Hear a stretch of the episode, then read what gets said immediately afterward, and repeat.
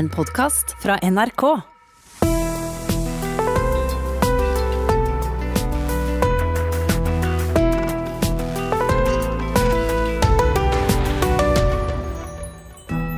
Hun kysser mykt mens hun kjører bilen inn i en fjellvegg. Hun er lydsporet til netter i strobelys, svett dansegulv og såre dager. Hun løfter så tungt og bærer så lett, lager innundende pop, men hører nettet så gjenkjenner en undertone av sorg.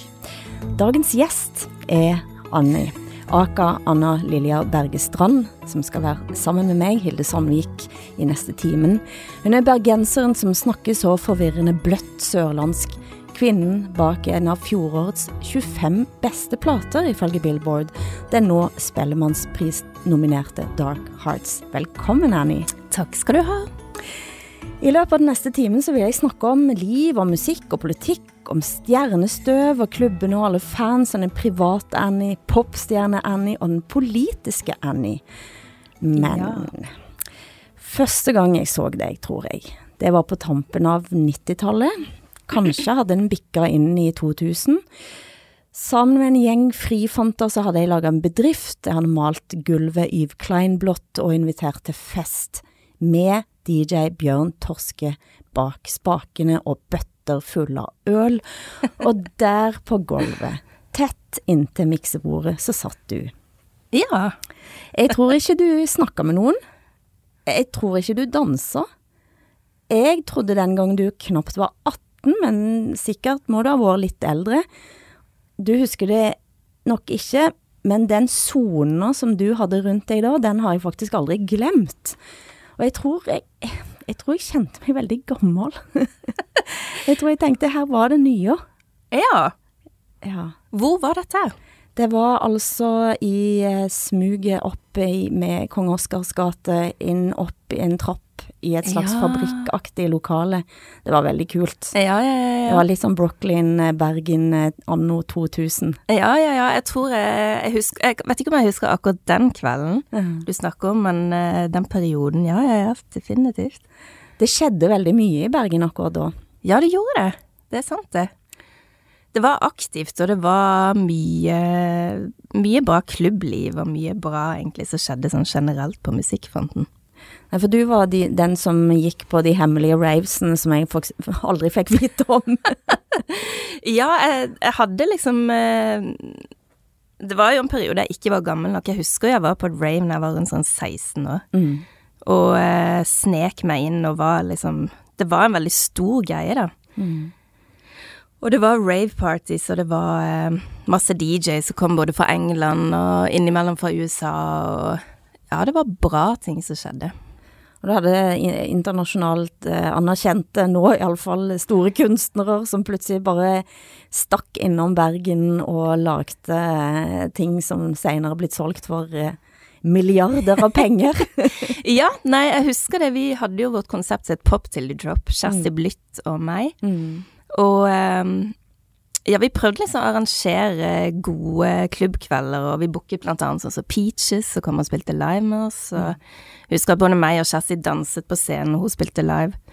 Og ehm, ja, vi hadde band som kom fra Tyskland. ehm, ja, masse forskjellig, både live og DJ-er som kom fra alle mulige steder. Og det var veldig, veldig gode, gode kvelder og mye spennende som skjedde. Det jeg eh, selvfølgelig refererte til her, er Banksy, eh, Ja. som, eh, som var der. Og vi skal ikke snakke så mye mer om Banksy nå, det er jo en historie som er blitt fortalt noen, Ja. noen ganger. Men eh, han malte på noen finerplater som senere ble eh, er blitt samleobjekter, for å si det sånn. Ja, jeg husker det. Han var vel Han kom en fredag sammen med kameraten sin Joe Hillier og var liksom Ja, var jeg vel over en helg og fikk jo gjort en del Satt sine spor da i Bergen. Men det jeg da ikke visste den eh, kvelden på eh, dette blå gulvet der du satt og styrte spakene, det var at du var på vei inn i dette.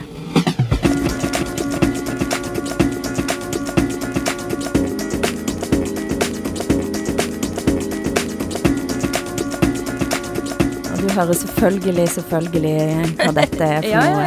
ja. Veldig Ja. fint. Ja. Nei, det var en veldig Altså, jeg husker jo det når uh, Denne kom vel også ut på Song for Annie. Og dette er altså Erot. Dette er Erot, ja. Som var din kjæreste. Mm. Mm. Det er det. Så han, uh, han, gjorde jo en hel del musikk sammen med Bjørn Torske. Mm. Og uh, ja, som også kom ut da på Telle Records. Mm. Med Michael Telle som ga det ut. Mm. Så nei da, det, jeg møtte han, og vi endte jo opp å lage en del musikk sammen. Mm. Så eh, Nei, det var Det var en veldig spesiell periode. Og du var, Hvor gammel var du da? Sånn 21? 22? Ja, når jeg møtte han, tror jeg kanskje jeg var nettopp fylt 20. Ja. Mm. Mm. Kanskje 19? 1920. Mm. Så møttes vi, og så var det jo en lang periode vi bare hang ut, var venner, og eh, det var litt sånn Ja, lurte på kanskje vi skulle bli kjærester, kanskje ikke. Mm. Så ble vi jo det, da. Og Hvorfor ble du det? Nei, jeg tror kanskje jeg fant ut at eh, ikke var han bare Han endte jo liksom opp å bli en av mine beste venner, så han var vel bestekompisen min. Mm. Men så fant man vel ut etter hvert at, at, man hang så mye ut sammen, og man hadde det egentlig veldig bra, og hadde så mye eh, like interesse. Mm. Så da, ja, da fant man bare ut at kanskje man bare skulle bli kjæreste. Dere lagde musikk, dere flytta inn i leiligheten til din mor. Mm, det gjorde vi. Min mor var lærer i Kina. Hun var lærer i Kina, ja, på det tidspunkt? Ja, ok. Min mor dro til Kina og var lærer mm. der. Så da eh, tok vi over leiligheten, og ja, Tore satt i første etasje, jeg satt i andre etasje. Mm. Men så endte vi liksom opp i etter hvert i samme etasje og lagde etter hvert samme låt. mm. Nei, det var jo litt av et par her i Bergen ja. eh, i de årene på begynnelsen av eh, 2000-tallet. Det var sagnomsust og ungt. Det var det. Ja. Helt klart. Men det er, når dette programmet sendes, så er det langfredag. Mm. Eh, og det er en spesiell dag for deg, eh, mm. vet jeg. Ja, i utgangspunktet var det veldig spesielt, fordi jeg har alltid vært en person som har vært veldig glad i påsken og syns det har vært en fin periode avslappen påskekrim og alt dette med lyset rundt det med påske. Jeg syns det, det, er en fin periode. Men så eh, Tore var jo veldig syk, da. Mm. Og, han hadde eh, hjerte, hjertefeil som var medfødt? Ja, han hadde en mm. medfødt hjertefeil. Og som gjorde at han etter hvert ble dårligere. Han fikk eh, blodpropp mm. som eh, som bare ikke ville gi seg. Hadde utviklet seg. Han var på mye forskjellig medisiner mens det da ikke fungerte. Mm. Og så ble han jo alvorlig syk og måtte etter hvert Han hadde vært Det var vel mer eller mindre ett år sånn inn og ut av Haukeland. Mm. Men så ble han sendt på Rikshospitalet i Oslo og måtte ha en, eh, en, større operasjon der.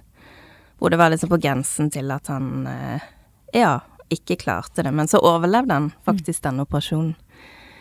Um, og var var i Oslo i noen måneder, men uh, på langfredag da i Jeg må innrømme, akkurat nå husker jeg ikke år, årstallet. Mm, 2003, tror jeg. Var det det? Ja, det kan godt være. Mm. Da Da eh, Ja, da døde han. Mm. mm. Var du der da? Nei, altså jeg var da i eh, Lillehammer og hadde en spillejobb oh. sammen med Mikael. Mm. Mikael Telle, som ja. var plateselskaps- og venn og mm. alt mulig annet. Manager og diverse. Og bergensbølgesjef en periode. Ja. Mm. Så vi hadde da en spillejobb i Lillehammer. Jeg husker at eh, vi, eh, vi var på hotellet, og så fikk uh, Jeg så på telefonen at det var noen som hadde ringt. Og så, så, For jeg hadde jo hele veien hatt kontakt med sykehuset. Mm. Og da så jeg nummeret for sykehuset, og da skjønte jeg egentlig hva som hadde skjedd. Mm. Og, eh, men det var det som jeg har sagt tidligere, det er liksom Det er noe med at man ikke Selv om man forstår egentlig deler av prosessen, så vil man ikke gi opp det der eh, Man vil kanskje ikke helt innse hva som har skjedd, og hva som er på vei til å skje. Mm. Så det var likevel et lite sånn så at jeg håper, håper ikke det er det, men når jeg da ringte, så skjønte jeg jo da at eh, ja, Mm. Han hadde gått bort. Mm. 23 år og miste kjæreste i hjertet det, det, det, det, skal på en måte ikke skje. Nei, det er sant det. Det, og det var noe med at vi hadde jo liksom Det var så mye da med meg og Tor. Vi var blitt kjærester, vi hadde et veldig fint forhold, vi skulle flytte sammen. Planen var kanskje på sikt å flytte til London. Mm. Han hadde skoleplass der på St. Martins og hadde tenkt å kanskje begynne der. Mm.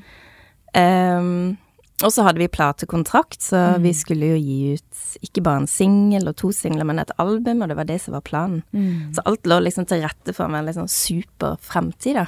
Mm. Og så skjer dette her, så det var jo Det var jo en veldig stor overgang, og på et sett og vis en livskrise for min del. Det å komme over er én ting, men, men, det å være i det òg, altså det å mm. håndtere når en heller ikke har så mye livserfaring, mm. kanskje. Mm. Eh, hva gjorde du? Nei, altså Ja, hva gjorde jeg? Det var kanskje mer jeg, jeg faktisk akkurat på det tidspunktet ikke gjorde noe som helst. Jeg lå på sofaen, jeg lå i sengen og bare liksom tenkte at nå var alt over. Mm. Nå eh, Ja, nå vil jeg ikke lenger lage musikk. Noe i meg ville sikkert ikke engang nesten leve. Du vil ingenting, for du har på en måte alt det forsvunnet. Mm. Men eh, nå var jeg Jeg har jo en veldig god mor som støttet meg, og hun var eh, Hun har jo også mistet sin mor og min far når, når hun var yngre. Han gikk bort når han var 37. Mm. Så min mor hadde jo, håper å si, denne erfaringen som sikkert mm. på et sett og vis gikk Var god å ha for min del, selv om mm selv om det var min far som gått bort, så skjønte hun veldig godt prosessen jeg gikk gjennom. Hva sa hun til deg, husker du det? Ja, altså Hun var veldig opptatt av at hver dag så skulle jeg komme ut én gang per dag, så vi skulle gå en tur. Så hun tok meg med på alle mulige steder i Bergen, og vi gikk tur. Jeg var aboré en dag, og så kjørte hun et annet sted en annen dag. Altså, var veldig opptatt av at jeg skulle komme meg ut, og at jeg skulle se ting, få frisk luft, være ved havet, være på fjellet. Og det var liksom eh, Hun dro meg ut, da. Mm. Og det, det, kan jeg fortsatt huske og var veldig godt for min del. Bare liksom For det er veldig vanskelig å snakke til en person som har opplevd noe veldig tungt. Altså da Det er mer bedre egentlig bare å gjøre ting, tenker jeg. Mm. Sorg er ganske Det er en merkverdig tilstand å være i. Det er det. Uh, jeg kan klare av og til og jeg prøver å definere hva en sorg er. Og et mm. av de kanskje nydeligste bildene jeg har sett noen gang, er, eh, var skrevet rett og slett av en eh, kunstteoretiker som skrev en bok eh, etter aids-epidemien mm. som heter Morning Sex. Peggy mm. Phelan. og hun beskriver en situasjon der hun sitter altså i baksetet av en bil, familiebil, på vei på ferie sommeren etter at hun har mista sin søster. Mm. Eh, og så sammenligner hun det med en sånn, du vet en sånn bok med sånn pop-up-figurer som spretter opp når du åpner boka. Ja, ja, ja. Hun hadde hatt en sånn bok med et skjelett som spratt opp. Og det var ikke der lenger. Mm. Men det var bare et hull. Og så sier hun at det hullet, det tok større plass av boka enn når figuren var der. Og på samme måte følte du det når hun satt i baksetet. Mm. Det var et stort hull der på sida. Mm. Søstera tok større plass som død mm. enn som levende. Ja, ja, ja. ja. Nei, men det, det er en veldig sterk og god beskrivelse, vil jeg si. Mm. Det er noe med For det, det, er jo litt det at man kanskje alltid som menneske tar nesten folk som en selvfølge når de er der. For det er liksom mm. akkurat som man tar seg en kopp kaffe, så tar man en telefon eller møter en skolevenninne eller kjæreste eller mor eller far. Og plutselig når de ikke er der, så, er det, så blir du så fokusert på det. Det er der på en måte hele veien. Det er så mm. tett. Mm. Og det, det var jo var vel nettopp det jeg tror jeg også gikk gjennom. Altså den vanvittige vanvittig Det at du på en måte må greie å takle og innse at dette er, dette er situasjonen, sånn er det, han er borte nå. Så Men jeg tenker liksom det var, det var en veldig tøff prosess, og det var selvfølgelig Man var ung og alt dette her, men men jeg hadde mye gode folk der som dro meg med på konserter, dro meg med på fjellet, dro meg med og hadde mm. gode samtaler, så filmer, gjorde ting som kanskje ja, som man bør gjøre når man er ung, da. Bare ha det gøy. Prøve å ha det gøy. Mm. Og hvis man ikke har det gøy, som prøver å tvinge det fram. du hører på Sammen med Sandvik, og jeg sitter her sammen med Annie. Og så hadde du Mikael Telle, da.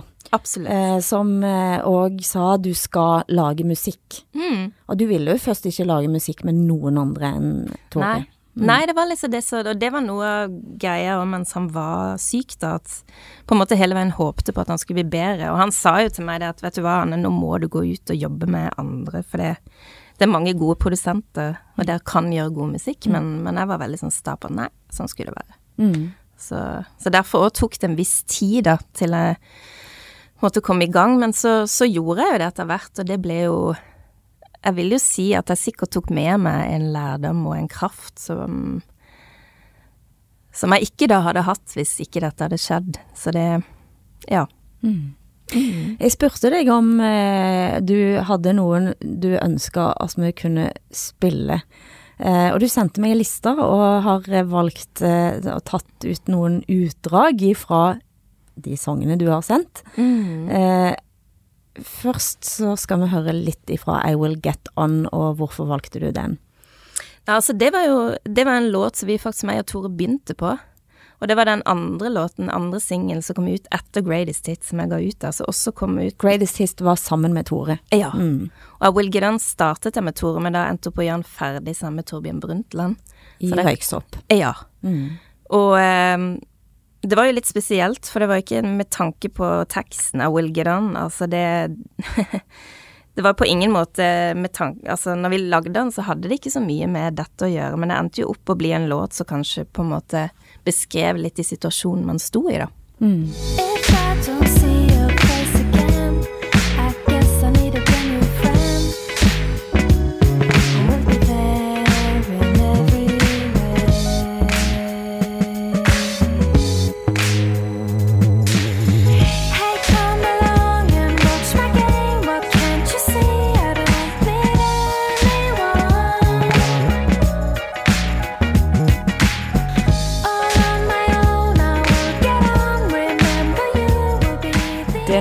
Som en hører en litt sånn sta Annie her òg, da. Jeg skal gå videre. Ja. Nei, men det tror jeg Altså, jeg er jo Jeg har vel egentlig alltid vært og er en veldig sta person. Så jeg tror nok det Det har jo alltid vært min store, hva skal jeg si eh, Sikkert utfordring, men også veldig positivt for min egen del. At jeg er veldig sta. Så jeg er veldig sånn at når jeg bestemmer meg for noe, så skal jeg få det mm. til. Og da får jeg iallfall til brøkdel, eller noe av det, da. Det mm. er veldig sånn som står på mitt og skal få ting til. Mm. Men det, dette ble jo etter hvert, òg eh, etter Tore døde, så ble det på mange måter lydsporet av Bergen på begynnelsen av 2000-tallet. Mm. Eh, og en av de som òg eh, ja, har vært en skikkelse i byen siden den tiden, eh, skateboard, Bård Åsen Lødemel. Mm. Eh, han eh, blir nå lagt en film med, med Hildegunn Werne, som er jo òg en av dine aller beste venninner. Kanskje ja. den beste venninnen. Eh, og han sier noen ting her om din ene låt ifra de åra som en kan huske. Ja. Han snakker om magien, faktisk. Han kommer ja. fra Ørsta, og så kommer han til Bergen, og så går han inn på en klubb, og så ser han deg og Kjersti Blutt, som du var DJ sammen med, mm. og så begynner han å snakke om hva heartbeat låten er for noen ting.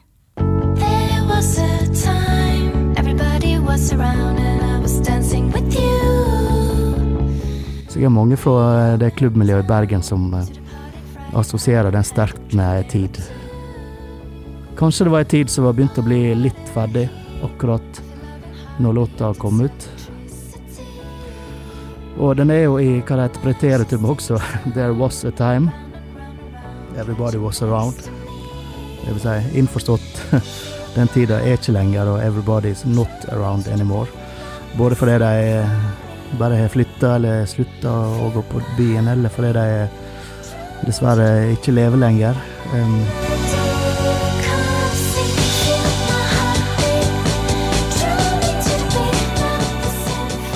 den, den, er litt sånn eh, Den er eksplosiv i oppbyggelse.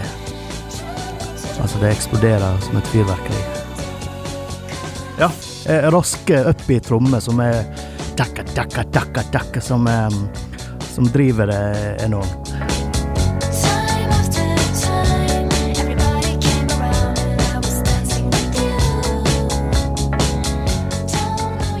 Husker du denne tiden, Annie? Ja, jeg gjør jo det. Altså, det, det var jo veldig fine ord fra Bård. Han er jo en fantastisk DJ og artist. Jo da, jeg husker den tiden. Vi var um, um, Låten ble jo egentlig skrevet om en periode hvor vi var mye på en klubb som het Agora. Og det var jo også der da vi drev denne her uh, kvelden som het Pop till you drop. Og ehm, og eh, parallelt med det så hadde du Bjørn Torske og eh, Erot da, som hadde Klubb Kennel. Som var hver eh, Pop till you drop var en gang i måneden. Kennel var eh, hver eneste lørdag. Så eh, Og det var Det var et veldig bra sted å gå. Jeg tenker liksom På mange måter var sikkert det med å definere mye av liksom eh, house-klubbperioden. Og dette var jo da, altså det er 2004, og eh, du har eh, hatt en stund å sørge. Mm. Eh, og så gir du ut denne platen, Mm. og så sier altså Norge Og vinneren er Prisen for årets nykommer går til Annie for hennes debutalbum som er laget sammen med finske Timo Kaukalampi. Annie, som egentlig heter Anne Lilja Bergestrand og kommer fra Bergen, får Spellemannsprisen i kategorien Årets nykommer for albumet Animal, som annet inneholder materiale fra Røyksopp og hitlåten Chewing Gum, som er produsert av Richard Heck. Fantastisk. Ja. Og dette er altså Her var det mye som blir sagt. eh, Richard X plutselig kom inn, i, inn i bildet. Du Ja. kan eh, Hvem var han? Og det var jo da en av de som du begynte å jobbe med, faktisk. Ja, helt Når helt du først var på banen. Ja, så altså- gikk du til det beste. Ja, da må man gå til det beste, vet du. Nei, altså, Richard var en, eh, en eh, Begynte å bli en veldig sånn Han ga først ut i undergrunnen, ga ut en hel del syvtommer, og han, han eh,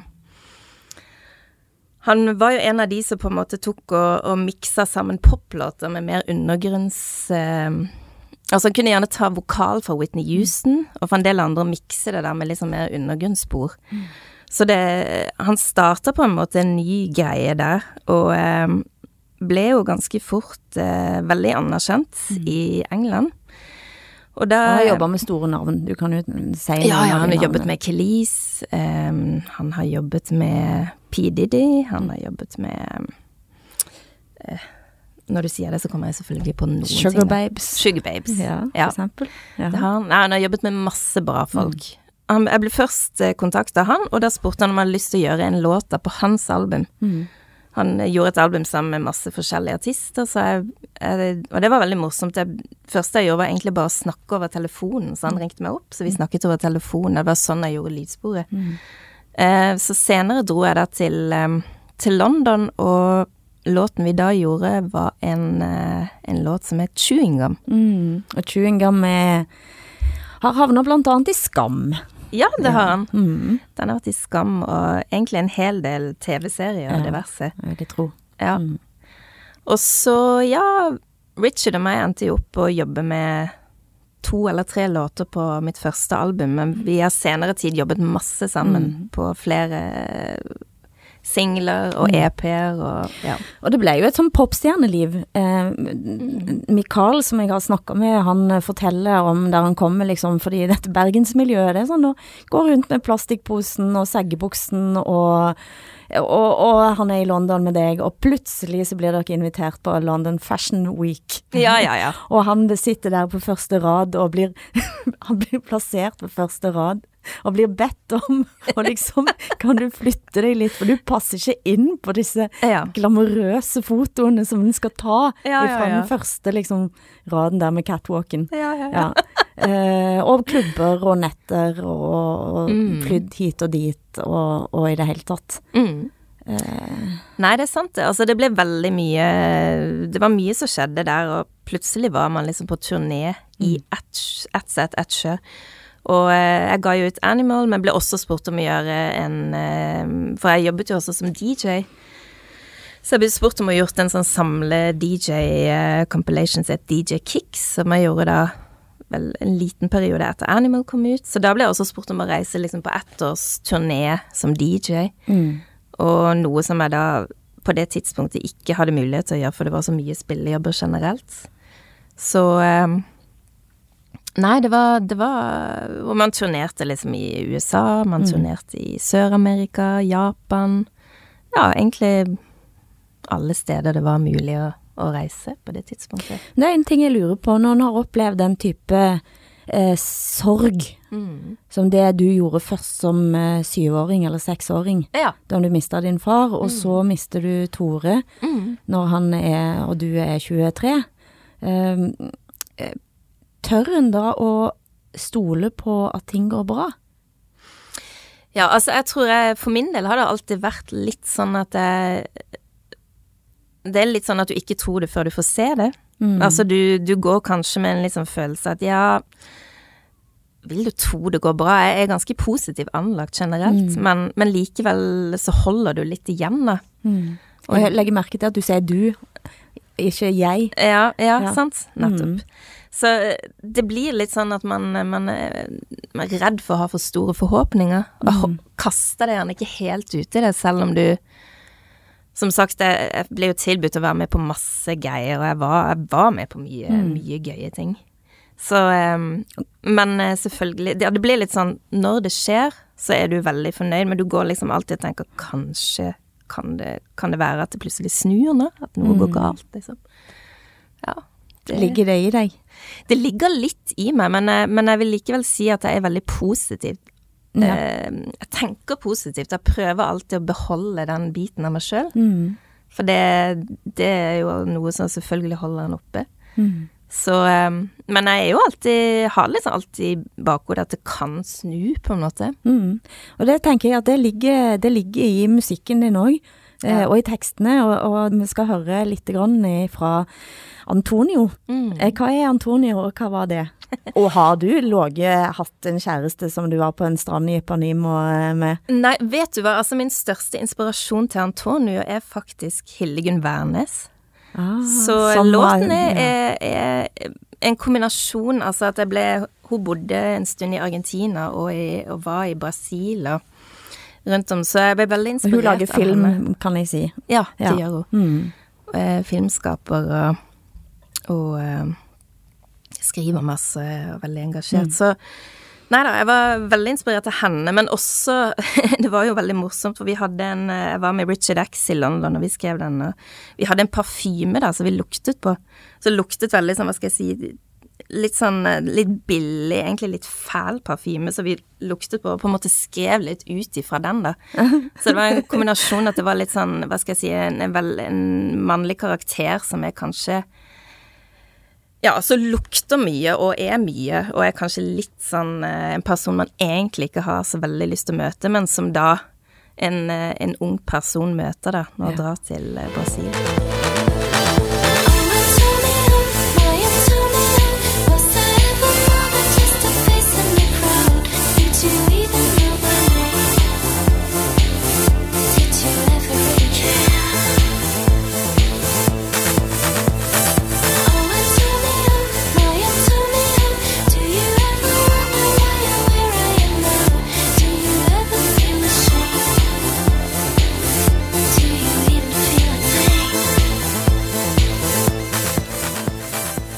Får jo en følelse at jeg får lyst til å si til henne her, du burde komme deg bort.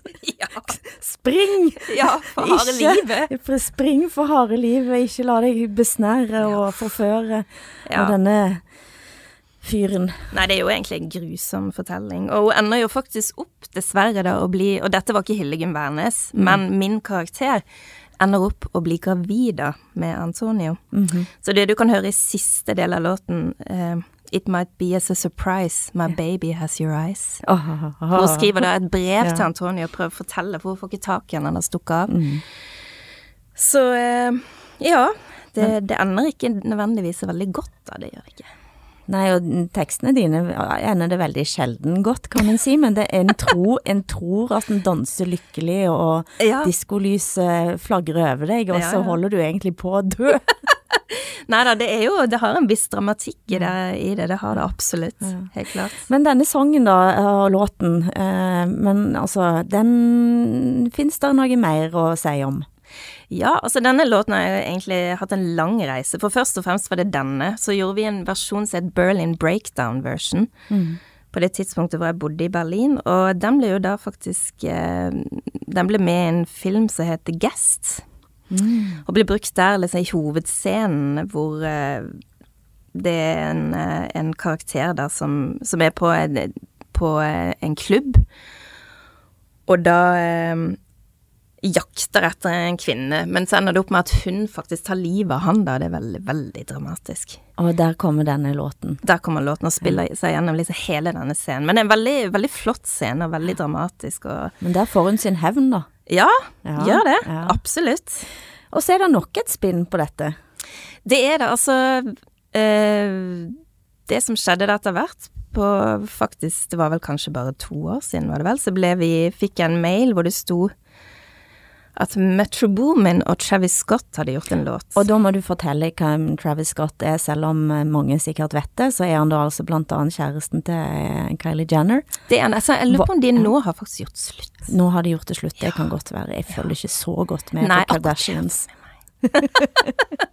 Men han var iallfall det. Ja, det er Ja. sant. Mm. Helt klart. Og eh, en av de største da, hiphop-artistene i USA om dagen. Og ja, så vi fikk da beskjed om at om vi ønsk, om vi ville bli med på da å bruke dette samplet, da hadde de brukt hele vokalen min gjennom Antonio på, eh, på denne låten da. Mm. Og eh, så da måtte vi godkjenne det, og det Først så jeg litt sånn, ja, skjønte ikke helt hva det var, men sjekket ut, og så hørtes det jo faktisk ganske bra ut.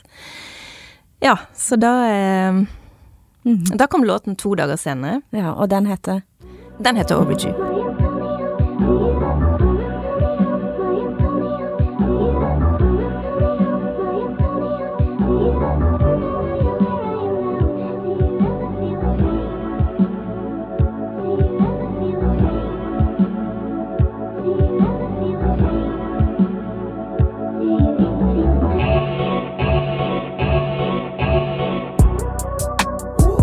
Overtime and overdue. Ain't no sleep, that is old news. Been outside, that's with the crew. Make my night up on the move. In the morning, get the news. Hva tenkte du når du hørte dette første gang? Nei, jeg synes det For det første var det utrolig gøy, da. Altså, jeg har jo fulgt med Travis Scott og syns jo han er helt fantastisk. Men True Boomin hadde jeg i utgangspunktet egentlig ikke hørt så mye om. Men eh, helt rått. Helt utrolig gøy. Så eh, nei da, det var Har du, du har ikke møtt han noen gang, har du det? eller? Nei, det har jeg ikke. Mm. Det har jeg ikke. Det var liksom det tidspunktet også eh, Jeg ble mor til, til ei lita jente, så jeg, jeg har liksom ikke reist så mye i den perioden. Mm.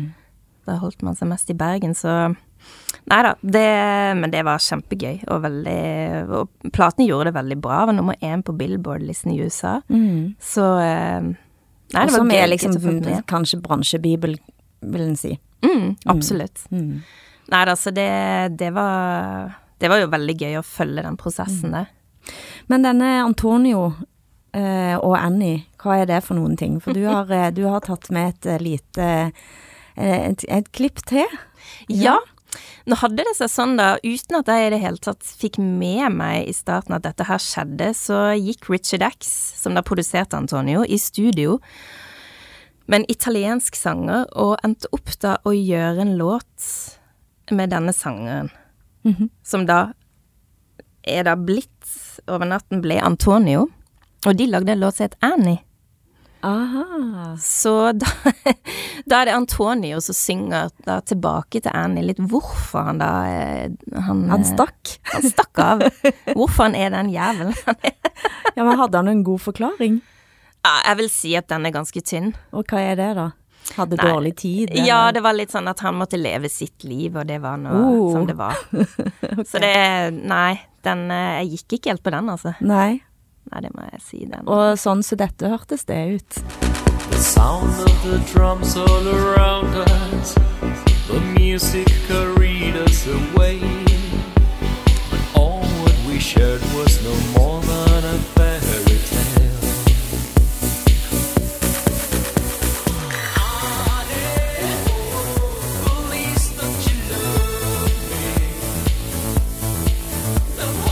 Herlighet, hva forfalt kvinnen på dette her? Han er en sleazy fyr, altså. Han ja, er sånn, kjiping. Kommer trekkende med at dette var et så fint eventyr. Ja. Ja. Ja, nei, altså, for min del, det, dette gikk jeg ikke på, altså. Det Nei. gjorde jeg ikke. Så der var det ikke noe særlig kjærlighetssorg. Det var ikke så mye sorg der. Men eh, det var, for mange har det nok sikkert vært en desperasjon, Mm. vil jeg tro. Det er nok noen som kjenner seg igjen, det tror jeg nok. Ja. Ja. Men, eh, men vi er ikke ferdig med Antonio-historien ennå. Nei, altså Antonio Antonio og Annie, de, eh, de, De fikk jo et lite barn, de. Ja. Mm. Og denne lille sønnen heter da Sam Mendes. Jeg har også et bilde faktisk der jeg holder Sam, eller Annie holder Sam, Mm. og eh, som er Og hvem sitt barn var egentlig det? For, å si det sånn. Det var faktisk en dukke. Det var en dukke, ja. Men jeg dro, jeg husker for eksempel jeg dro til, dro til Japan og gjorde intervju der, og der var det mange som var Journalistene var veldig opptatt av hvordan, hvordan det gikk med Sam, da. Så de, de tok dette veldig bokstavelig. ja. Så eh, Nei, så Sam Mendes nå, nå begynner han vel å eh, Han begynner vel å nærme seg ungdomstiden nå snart. Så vi får jo se da om han, kanskje han kommer ut med en låt, han òg. Og Ja. forteller litt hvordan han har hatt det i oppveksten med sine Sine ikke så veldig observante og, og nære foreldre. ja, det kan bli litt- spennende Det kan bli veldig spennende. eh, å følge med. Det er Richard X som er nødt til å komme på banen igjen og, Han må på plass. få på plass en Sam Mendes.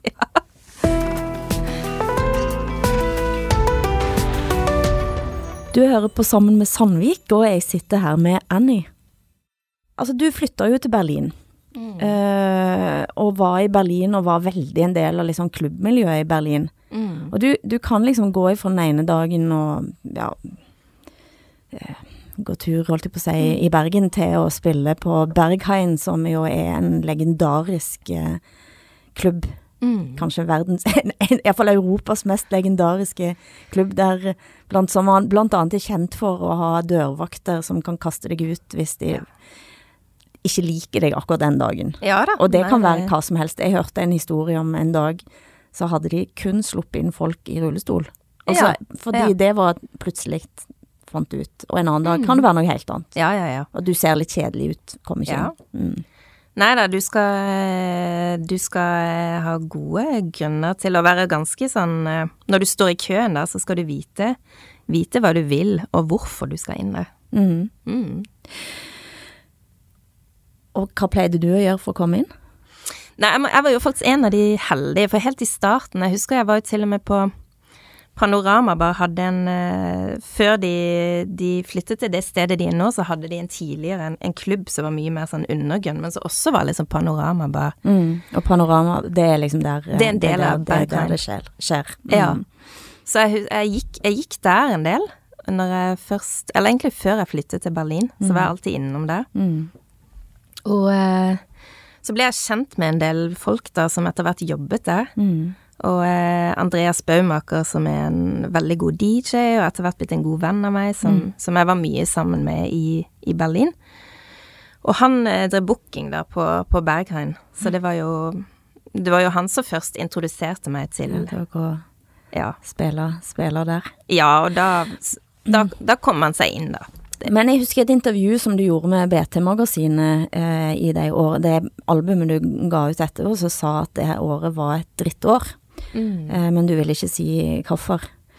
Eh, Ja. eh, Du hadde, du hadde et type Var det 2013, 2000 og kanskje rett før?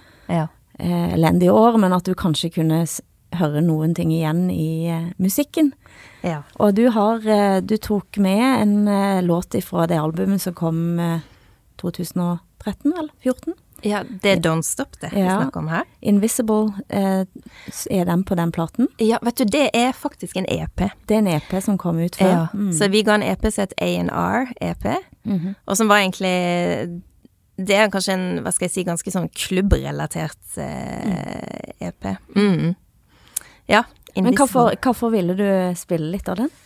Nei, altså Invisible tror jeg faktisk er en av de låtene En av mine Hvis jeg skal velge én låt som jeg er veldig fornøyd med, da, som er veldig sånn Som jeg gjerne kan spille ute når jeg, som DJ, så er det Invisible. Jeg er veldig glad i den. Ja. Men kan du høre litt grann? Mhm.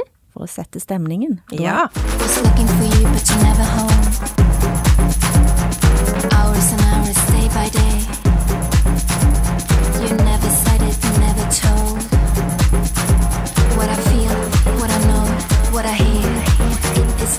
Jeg kan godt få en liten følelse av å være i Berlin her, altså. ja, Ja, Jeg Ja. innrømme. det er sant, det. Jeg, jeg møtte deg mens du fremdeles var i Berlin. Mm. Eh, og noe av det jeg husker eh, som, som jeg beit meg merke i den gangen, det ene er jo nettopp det du sier om å på et vis dra ut, altså få ut eh, det som, som er det mørke gjennom kunsten og, og sånn. Men, men en annen side av deg som kanskje ikke fullt så kjent, er at du har et veldig sterkt politisk engasjement. Og jeg husker du sa at du som kunstner ikke alltid følte lenger at det var et klima for å ha avvikende synspunkter, eller for å være tydelig på noen andre måter. Og, uh, hva, hva tror du du tenkte på da? Altså, nå er jeg ikke sikker på akkurat hvilke tema vi snakker om, men, eh, men det er jo innimellom sånn at eh, at man, eh, man har eh, Man kanskje opplever noe på nært hold, og så ser man det at eh, i den situasjonen man er i, så, så er det ikke alltid klima for å snakke om den prosessen rundt det, da. Hva tenker du da, altså hvis, hvis det skal være litt Nei, altså, jeg, jeg tror av og til så har folk Og det tar vi jo sjøl i, og, og veldig ofte tenker Altså, ok, man, man kan uttale seg om veldig mye. Og man kan uttale seg åssen Altså, folk har opplevelser her og der, de går gjennom ting og tang, og mye, mye heavy greier som skjer. Men eh, så kan man gjerne sitte da på sin lille, hva skal jeg si, på sin lille leilighet, eh, fine leilighet i, i Bergen eller i Oslo eller hvor enn man er, og kanskje snakke om hvordan noen har det i Sverige eller i Berlin. Men når det kommer til utgangspunkt, så har man ikke peiling på hvilke liv de lever, og hva de faktisk går gjennom, hva de opplever. Og det er litt sånn der eh, Jeg syns folk har tendens til å være veldig sånn Ja, nå skal jeg bare kaste meg over alt. Altså si hvordan greia er, hvordan livet er, og hvordan du skal leve. Men sjøl så har man gjerne ingen erfaring med, med akkurat på det stedet de står, da. Så eh, det merker jeg til tider kan være litt eh, Provosere meg en del. At eh, folk har tendens til å uttale seg om ting som de egentlig ikke har peiling på i det fordommer? Ja. Nei, fordi, og den, men den politiske sida di, den litt sånn sta-sida der òg, den har jo gitt seg blant annet eh, utslag i at uh, du lagde Russian Kiss, Ja. Uh, OL 2014, Ja. sammen med kunstneren enfant terrible i norsk kunstverden, Bjarne Melgaard. Mm. Eh, og vi kan bare høre litt grann om hva vi ble lansert for eh, omtrent rundt Valentine's Day 2014.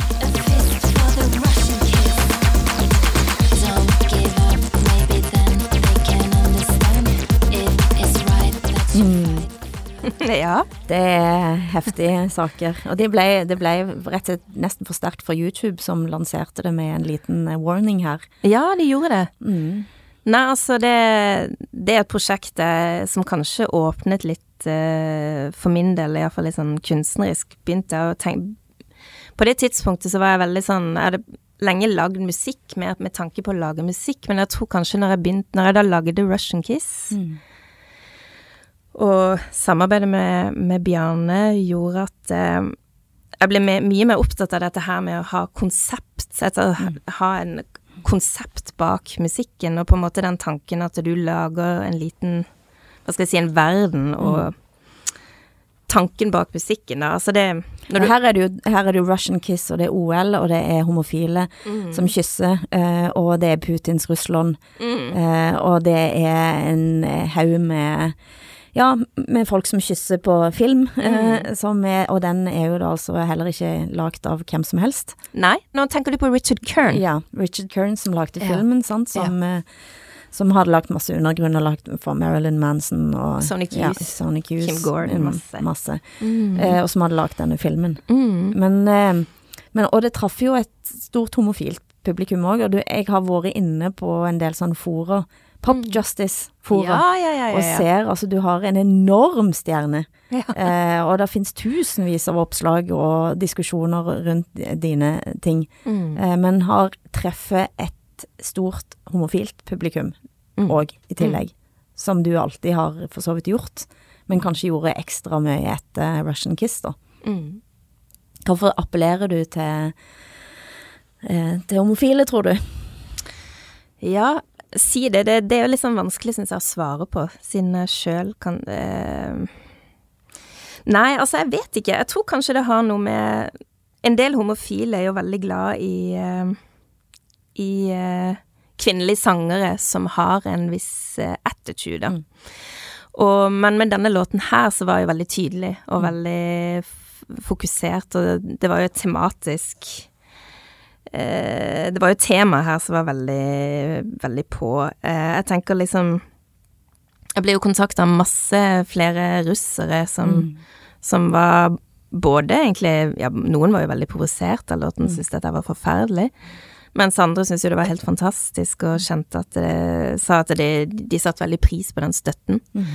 Og så har du hatt en karriere som har svingt att og fram og opp og ned og Mm. inn og ut, og eh, den siste platen heter for eksempel altså en låt 'Don't Stop', og så stopper du sjøl opp og, og gir ikke ut noe på veldig lenge. Og Time som skrev liksom at eh, et av de største mysteriene i, i, i livet, på samme nivå som fødsel og død, eh, er hvorfor ikke den norske popprinsessen Annie ikke er der helt oppe på toppen sammen med annet Robin.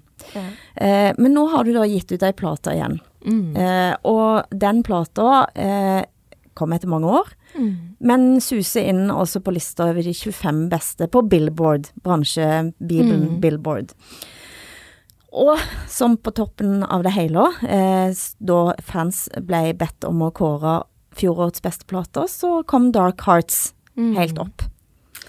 Eh, og jeg tok kontakt med, med Andrew Unterberger, eh, som er en av redaktørene i Billboards, og ba han si hva han tenker om deg. Oi. Og dette svarte han. you know, obviously she's an incredible pop singer songwriter, really really great instincts in terms of hooks and, and choruses and melodies, and just how to put a, put a pop single together. And she's also really well studied in terms of the way you can sort of hear the history of dance and pop music and the way those are kind of intertwined throughout the decades. You can hear all that in her music. But even though she mostly exists in those dance and pop space, uh, the biggest impact that she had in this country, at least the, the biggest impact that I noticed, uh, was in the indie rock world. And- that's because when, when Animal came out in the US in 2004, it got rave reviews uh, in publications like Pitchfork, these, these, these underground rock mostly based publications that were really mostly concerned with bands like uh, the Arcade Fire and Franz Ferdinand and, and guitar based rock music was, was sort of the thing for them. They didn't really care a lot about pop or, or other sort of you know pop based genres. They did care about Annie. They did care about Annie, sier han. Han sier det her at du har på en måte kommet inn som popstjerne inn i liksom indie-verden, og Pitchfork er liksom indie-poppens store magasin, da kan du si, sant? Mm, ja. Hva tenker du når du hører Unterberger her? Nei, det er jo helt, helt vanvittig. Altså Nei, jeg blir jo litt satt ut. Men jeg kan, liksom, jeg kan huske det at eh, For min del så har det kanskje handlet mye om det å, å eh, kombinere popmusikk med undergrunn. Altså når jeg startet, liksom Min første spillejobb var på Kaffe Opera, og eh, da spilte jo Da spilte jeg alt fra liksom Hva skal jeg si kunne DJ alt fra LFO til um, Kylie Minogue, sant? Så litt det der med den kombinasjonen av undergrunn og, og mer sånn eh, tradisjonell pop, da. Jeg spurte han òg eh, altså om eh, hva betyr Annie i dag? she was still really important because she kind of helped clear the way for the biggest successes of ours that came later, like like Robin or, or Marina and the Diamonds, maybe even Dua Lipa to a certain extent, because she, she, she both she set she set the standard for that that kind of retro futuristic, self aware 21st century pop stardom. Uh, and she also just got uptight rock fans to give dance pop a chance and then to take disco seriously. Det sier han. Du Ja. paved the way, Ja, det- intet mindre. Det, nei, det, det er jo helt utrolig. Jeg blir litt satt ut der jeg sitter nå. Ja, jeg ser det. Jeg får nesten tårer i øynene. Ja. Blir litt uh, Ja. Nei, jeg syns jo det er vanskelig å snakke om det sjøl. Jeg vet ikke helt hva jeg skal si, men uh, for min del har det egentlig bare handlet om at jeg, jeg er veldig glad i musikk, og jeg har på en måte alltid vært Altså, jeg har kjøpt masse all mulig musikk siden jeg var veldig liten, og samlet på musikk. Og hørt på alt mulig fra kanskje ganske undergrunnsting til veldig mye mer sånn klassisk popplate. Mm. Og det, for min del så er det Jeg tror kanskje jeg prøver å kombinere alt det Mm. i musikken. Mm. Jeg vet ikke om det er noe å si. Men altså nå er den, den, den siste platen, Dark Hearts, som er jo ganske mørk. Ja. Eh, og vi begynte å snakke om eh, kar, altså, jeg, jeg holdt på å si car-krasjet, bilkrasjet, og, og det der å kjøre inn i veggen, det å på en måte løfte tungt, og Mikael sa at Annie bærer alltid så enormt mange ting. Hun er så sterk ut, og, det, og da mente han fysisk at det kommer alltid svære bæreposer med ting, og du bærer unger, og du bærer alt mulig rundt deg. Det er veldig morsomt, for ekskjæresten min sa hvis jeg hadde, fått et, hvis jeg hadde vært indianer hadde fått et navn, så hadde jeg vært hun som alltid bærer tungt. Ja. ja. Og det er, jo, det er jo direkte, og det er i overført betydning. Eh, og, og det er jo ganske å få tårer i øynene av å høre den siste, siste albumet, og da går du tilbake til Tore, Mm. som døde altså på langfredag for 20 år siden. Mm. Eh, og du er fremdeles i The Streets, Mm. Where I Belong, Take Me Back. Mm. Sant? Ja, nei, altså det, det, er jo, det er jo noe med at jeg tenker man bærer med seg alt man går gjennom i livet. Altså det, det er jo ikke bare å legge det vekk, det vil jo alltid være der. Man er et menneske, man tar med seg alle sine opplevelser, situasjoner og Men så går man også videre, så det er noe med å gå videre, men likevel ha et rom, da, for eh, de opplevelsene og de eh, situasjonene man, man opplever gjennom livet. Men la oss gå tilbake igjen til 2004, og du står altså på scenen og har fått eh, Spellemannsprisen for eh, årets nykommer, Ja. og i takketalen din så takker du din mor. Ja, det gjorde jeg. Ja. Nei, altså hun har jo alltid betydd enormt mye for meg. Mm. Så eh, det var Det kjentes egentlig veldig naturlig ut, og hun måtte inkluderes i den, ja. i den biten der. Og det var en grunn til at du kom hjem fra Berlin. Det var det. Nei, altså min mor ble Min mor har eh, fått alzheimer. Mm. Demens Alzheimer og ble vel syk for Jeg vet ikke akkurat når det begynte, men et par år tilbake. Så da skjønte jeg jo at det, det var på tide å dra hjem. Mm. Det var på tide å eh, snu litt om på hvordan man tenkte, og bruke mer tid da sammen med henne. Mm. Ja. Og det er jo Altså, du har hatt noen store tap i livet. Du mista din far, du mista din kjæreste, den første store Mm. kjærlighet. Og nå er du i ferd med å miste din mor, Mm. men hun er her ennå. Ja. Nei, det er en ganske tøff, eh, tøff sykdom, det må jeg si. For det, er du, det er jo som du sier, da, at du Du mister jo på en måte det mennesket som har betydd enormt mye for deg fra du var født, og fra du var liten og opp igjennom, og så er Som eh, Ja, som har vært der, og plutselig så er det mennesket der, men, men det er bare delvis der. Mm. Forsvinner litt og litt, og mer og mer inni seg selv. Altså det Ja, det er en forferdelig sykdom, det må jeg si. Spiller du musikk for henne? Ja, jeg gjør faktisk det. Hun har fått seg en sånn eh, En spiller hvor du kan eh, Som faktisk er for eh, mennesker med Alzheimer. Så du kan ta en sånn liten USB da og ta på masse musikk. Så hun hører på Hører ganske mye på musikk, og er veldig glad i musikk. Hører du på deg? Ja, sånn innimellom. Ja. Synger du for noe? Ja, jeg gjør det. Hva Og synger synger mye du? sammen med henne. Ja. Nei, vi synger litt forskjellig. Litt alt fra salmer, men også helt sånn enkle mm, poplåter. Ja, også bare synge. Jeg vet ikke alt mulig, egentlig. Ja. Hvis du skulle tegne de livslinjer, hvordan ville den sett ut? Nei, jeg husker alltid siden jeg var liten, da, så, så syns jeg det var så rart, fordi at jeg, jeg er jo egentlig en veldig sånn, hva skal jeg si, ganske avslappa person av natur, men, men jeg syns alltid at, at jeg misunte veldig de som hadde en litt sånn jevn jevn linje, hvor ting var på en måte greit. hele veien, og kanskje av og til ganske bra, og så kanskje litt utfordrende. Men for min del har jeg alltid syntes det har vært så dramatisk. Det har gått så opp og ned, da. Det har liksom aldri vært stabilt, selv om jeg sjøl kjenner at jeg ikke liksom er veldig Hva skal jeg si En, en ganske avslappet person. Ja. Jeg tror Og disse dette, kjennene ja, men dette kommer det musikk av. Ja, det gjør jo det. Det er nettopp det, altså. Det kommer musikk ut av sånne situasjoner. Nå har du to barn, og den ene vekker deg veldig tidlig om morgenen.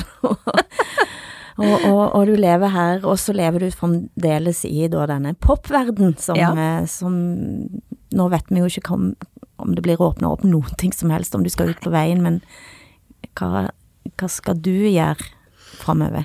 Nei, altså akkurat nå er jeg i studio og holder på med nye låter. Så jeg har vært i studio hele forrige uke, og, og vi holder også på å planlegge noen veldig morsomme greier. og Sette sammen et band og diverse. Så vi har jo lyst til å prøve å spille live, men om det kommer til å skje, hvor det kommer til å skje, og når, det er jo et spørsmål vi alle sitter litt og lurer på. Vi skal tone ut eh, sammen med deg, Annie, på å høre The Streets Where I Belong.